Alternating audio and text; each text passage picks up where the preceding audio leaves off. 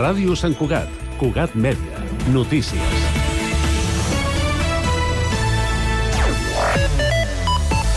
Molt bon dia. Les restriccions en el consum d'aigua per les sequeres han fet sentir a l'agost a Sant Cugat amb un descens del 14,1% respecte al mateix mes del 2022, quan no hi havia limitacions.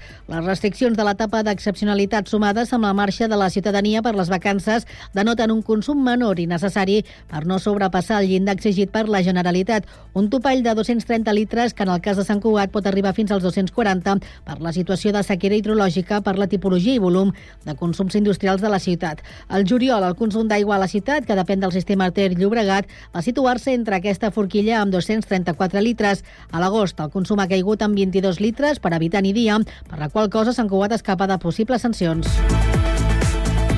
És dimecres 27 de setembre de 2023. També és notícia que el PSC, responsable econòmic del govern anterior, es defensa de les acusacions. El dèficit de l'Ajuntament no és conseqüència de la mala planificació, diuen, sinó d'un context global difícil, argumenta el grup municipal en un comunicat. Els socialistes atribueixen la situació financera del consistori a la davallada d'ingressos per la reforma de les plusvàlues, l'increment del cost de la massa salarial de l'Ajuntament, l'actualització dels preus dels contractes i la pujada de preus provocades per la inflació. Tot i això, asseguren compartir la preocupació i es posen a disposició per revertir la situació. En aquest sentit, animen el nou govern a començar per abaixar els sous dels càrrecs electes i reduir la despesa en personal eventual. La Junta de Veïns de Valldoreix portarà a aprovació definitiva el projecte d'urbanització de l'Avinguda Baixador aquest dijous, en sessió ordinària. El govern en minoria de l'EMD necessitarà part dels vots de l'oposició, amb cinc vocals i formada per Junts, el PP i Vox, per tirar endavant la iniciativa. La Junta també debatrà una moció de Vox sobre seguretat i la futura subcomissaria de policia i una altra del Partit Popular sobre bonificacions fiscals a les famílies nombroses. La trobada que tindrà lloc aquest dijous comença a les 6 de la tarda i es pot seguir presencialment i telemàtica al canal de YouTube de l'EMD. Una hora abans tindrà lloc l'audiència pública.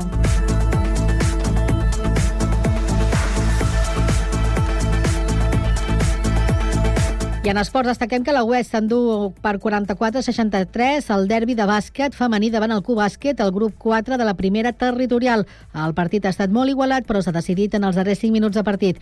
L'equip de David Rodríguez es va imposar, però sobretot en el darrer minut de joc. La West rebrà el Manyanet, les Corts i el Q-Bàsquet Sant Cugat visita la pista del Barberà.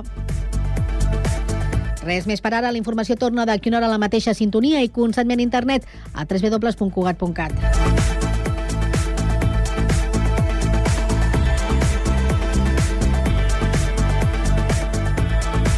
Cugat Mèdia, la informació de referència a Sant Cugat.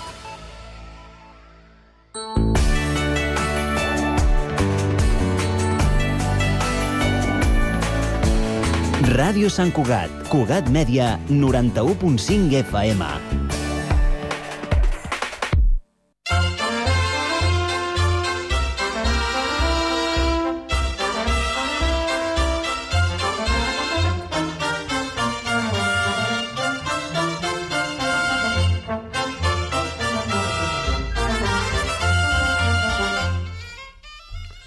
Bon dia, amigues i amics de la Sardana i de Ràdio Sant Cugat. Rebeu salutacions d'en Guillem, des del control tècnic, i qui us està parlant, Miquel Batet, responsable del programa. Tornant amb el tema de les sardanes en vers que es va publicar per celebrar la capitalitat de la sardana, el nostre estimat amic Jordi Cuesta, ànima de la coral sardanista, ens va dedicar a tots nosaltres aquesta bella i expressiva poesia. Es titula Cantem sardanes. La sardana ens ha donat la idea de cantar-la i en fer-ho ens hem trobat que és difícil entonar-la. La Santa Espina tenim clavada i l'estirem amb les dents. Ai, que no obrim la boca i cantem fora de temps. Ompliu el diagrama, diu el cavaller enamorat. Que les notes pugin altes, que s'enfilin al teulat. Per tu ploro, diu el pastor pronunciant bé les vocals i mastegant les paraules. Més ai, qui perd l'amor. Provem d'entonar Torroella, un excel·lent pentagrama. La cançó, prou que és vella, i la lletra així ho programa.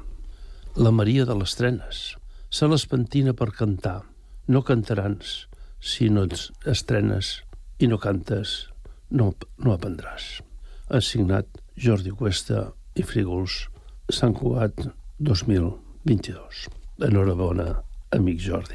L'escriptor i publicista Josep Maria Espinàs, per tots indudablement coneguts, va dedicar un article sobre la sardana en el programa de la plec de Reixac l'any 1985. Us el llegiré perquè eh, fa pensar com érem i com estem. Diu així. D'origen antiquíssim i dubtós, la dansa popular catalana és més que un símbol conservat amb esforç, és una realitat viva no es cauria aquí d'analitzar-la tècnicament, però sí que cal recordar que, que tota mena de compositors, des dels més populars als meus savis, han escrit sardanes, com per exemple Pep Ventura, Serra, Bou, Juli Garreta, Morera, Pujol, Toldrà, etc. La sardana ha estat una de les manifestacions més públiques i col·lectives de la catalanitat quan, en les èpoques més difícils, calia refugiar-se en la música. El redreçament d'un país només es pot aconseguir o intentar amb manifestacions públiques i col·lectives, i la sardana ho és. La sardana, doncs, ha estat un instrument de solidaritat i per molta gent una mina d'inconscient d'adquirir consciència. Ho repetiré. I per molta gent un mitjà inconscient per adquirir consciència. Avui la sardana no té, sortosament, la significació els primers anys de tolerància de la postguerra deu, deu ser una de les poques danses del món autònticament populars en el sentit de que la balla la gent que passa pel carrer. Ells, americana, i les claus del pis, i l'ençadors saltant a la butxaca. Elles, en sabates de taló, minifalda o bugins. La sardana ens permet de sentir-nos catalans amb naturalitat, sense haver-nos de sotmetre a cap obligada norma estètica. Podem barrejar-se els alts i els baixos, els vells i els joves, els mudats i els altres. La sardana no ens converteix a nosaltres mateixos en un espectacle. Som la majoria de les anomenades danses populars ens dona senzillament l'oportunitat d'estrenya'ns les mans i de compartir públicament un misteri perquè jo no sé què pensa la gent quan balla una sardana. Potser res, però que al mig de la rotllana hi ha una presència invisible i que aquesta presència la sentim i ens uneix és ben cert. En quant al seu futur, imagino que ens mantindrà, si fa no fa, ara la seva significació popular, com a gènere musical, o més del camí de tradicional que té com el jazz, en camí d'experimentació oculta, privilegi que només tenen les manifestacions autènticament populars i vives. Com a expressió, gairebé única per força, d'una voluntat col·lectiva per de supervivència. Confio que no caldrà que hi torni a ser mai més. Signat Josep Maria Espinàs, a plec de Reixac, l'any 1985. Després d'haver sentit les opinions dels, del nostre recordat Josep Maria Espinàs, passarem a escoltar sardanes. La Unió de Sardanistes, la Unió de Colles Sardanistes, va editar un CD amb sardanes dedicades a les colles sardanistes i l'ha titulat La sardana de les colles, interpretada per la Copla Marinada. Escoltarem sardanes d'autors de nombre com Agustí Cogrunyó, Dani Casulla, Tomàs Gil, Joan Callís, Puigferrer, Joaquim Sons, etc etc. Bé, doncs comencem. La primera sardana és l'Agustí Borgunyó, que tots, com sabeu, va estar pràcticament tota la seva vida als Estats Units, però sempre pensava en Catalunya. El títol és Davant de la catedral i ens recorda les ballades a càrrec de la Copla Popular els diumenges al matí. Thank you.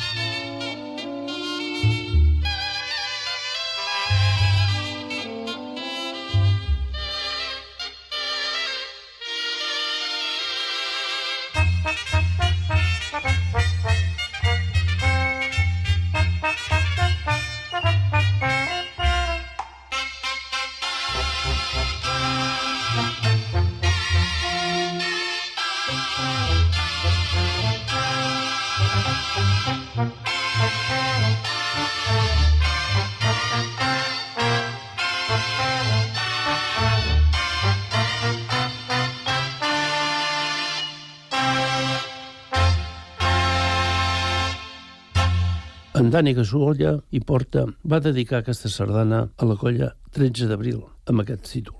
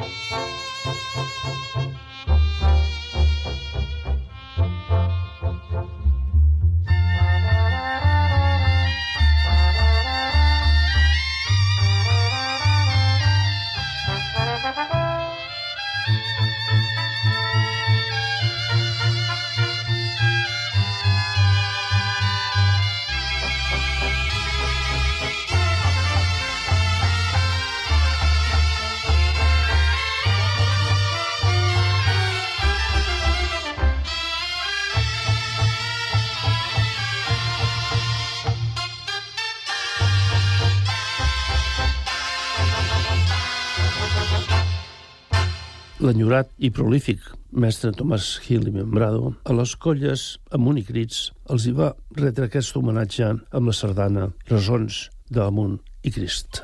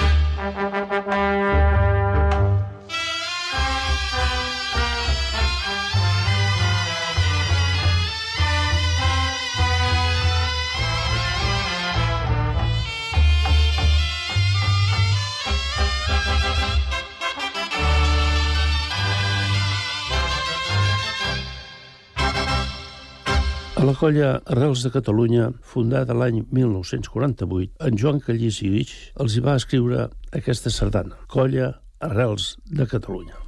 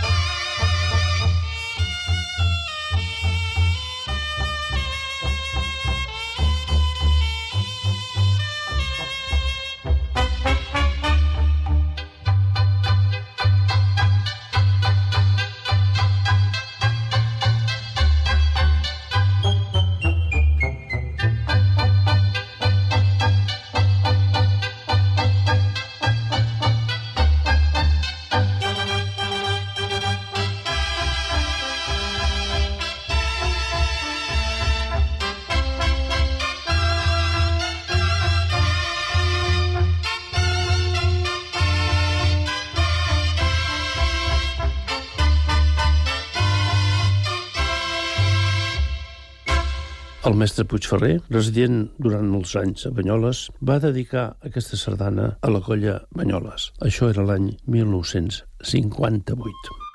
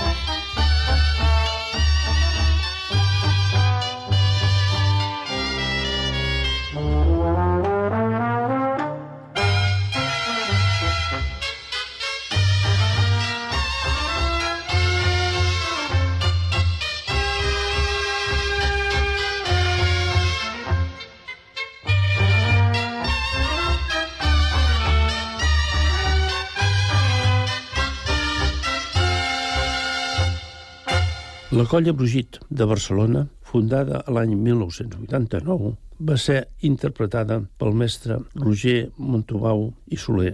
Escolteu aquesta sardana, és molt bonica.